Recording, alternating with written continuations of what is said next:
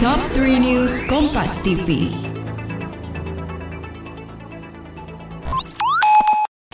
Halo sahabat Kompas TV, kembali lagi di Top 3 News bersama saya Anselin Natasha yang akan mengupdate 3 berita terpopuler hari ini, Senin 11 Juli 2022. Di berita pertama, sidang etik Wakil Ketua KPK Lili Pintauli Siregar gugur dan tidak dilanjutkan. Hal itu disebabkan Lili Pintauli mengundurkan diri dari jabatannya sebagai Wakil Ketua Komisi Pemberantasan Korupsi. Presiden Joko Widodo telah menaikkan surat pengunduran diri Lili Pintauli Siregar dari jabatan Wakil Ketua Komisi Pemberantasan Korupsi. Ketua Majelis Sidang Etik Tumpak Pengabean mengatakan bahwa surat pengunduran diri Lili sudah dikeluarkan oleh Presiden Joko Widodo. Dewas menilai Lili bukan lagi orang yang bisa disidang. Lili Pintauli dilaporkan ke Dewan Pengawas KPK karena diduga menerima fasilitas nonton ajang balap MotoGP 2022 di sirkuit Mandalika, Nusa Tenggara Barat dari Pertamina.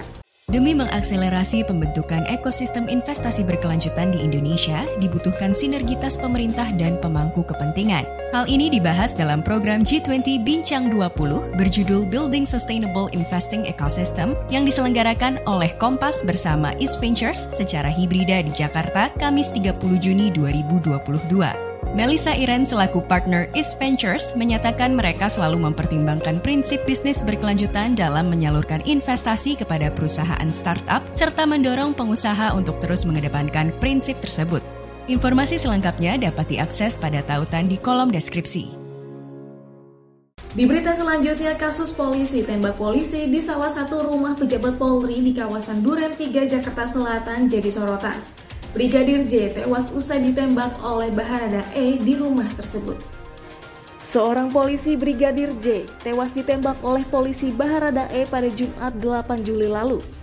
Brigadir J yang merupakan personel yang bertugas di Propam Polri terlibat saling tegur dengan Baharada E. Karena membela diri usai ditodong pistol lebih dulu, Baharada E pun menembak Brigadir J hingga akhirnya tewas. Karopenmas Divisi Humas Polri Brigjen Ahmad Ramadan mengatakan peristiwa itu terjadi di Kompleks Polri Duren 3 Jakarta Selatan. Kini Baharada E tengah diamankan untuk diminta keterangan lebih lanjut terkait peristiwa itu. Sedangkan untuk jasad Brigadir J dimakamkan keluarga di Jambi. Sahabat Kompas TV di berita terakhir, Menteri Perhubungan Budi Karya Sumadi memastikan vaksinasi booster akan diberlakukan sebagai syarat perjalanan dalam negeri. Syarat tersebut akan diberlakukan mulai tanggal 17 Juli mendatang. Aturan vaksinasi booster jadi syarat berpergian tercantum dalam surat edaran yang diterbitkan Kementerian Perhubungan untuk perjalanan darat, laut maupun udara. Nantinya Kementerian Perhubungan juga berkoordinasi dengan pihak bandara, pelabuhan, dan terminal untuk menyediakan layanan vaksinasi booster bagi masyarakat. Aturan ini diberlakukan sebagai upaya dalam meningkatkan persentase cakupan vaksinasi booster yang terbilang masih rendah. Sementara itu, syarat vaksinasi booster atau vaksinasi dosis 3 untuk perjalanan dalam negeri tidak berlaku bagi masyarakat yang menggunakan kendaraan pribadi. Nah, sahabat Kompas TV, itu dia tadi tiga berita terpopuler yang terjadi pada hari ini.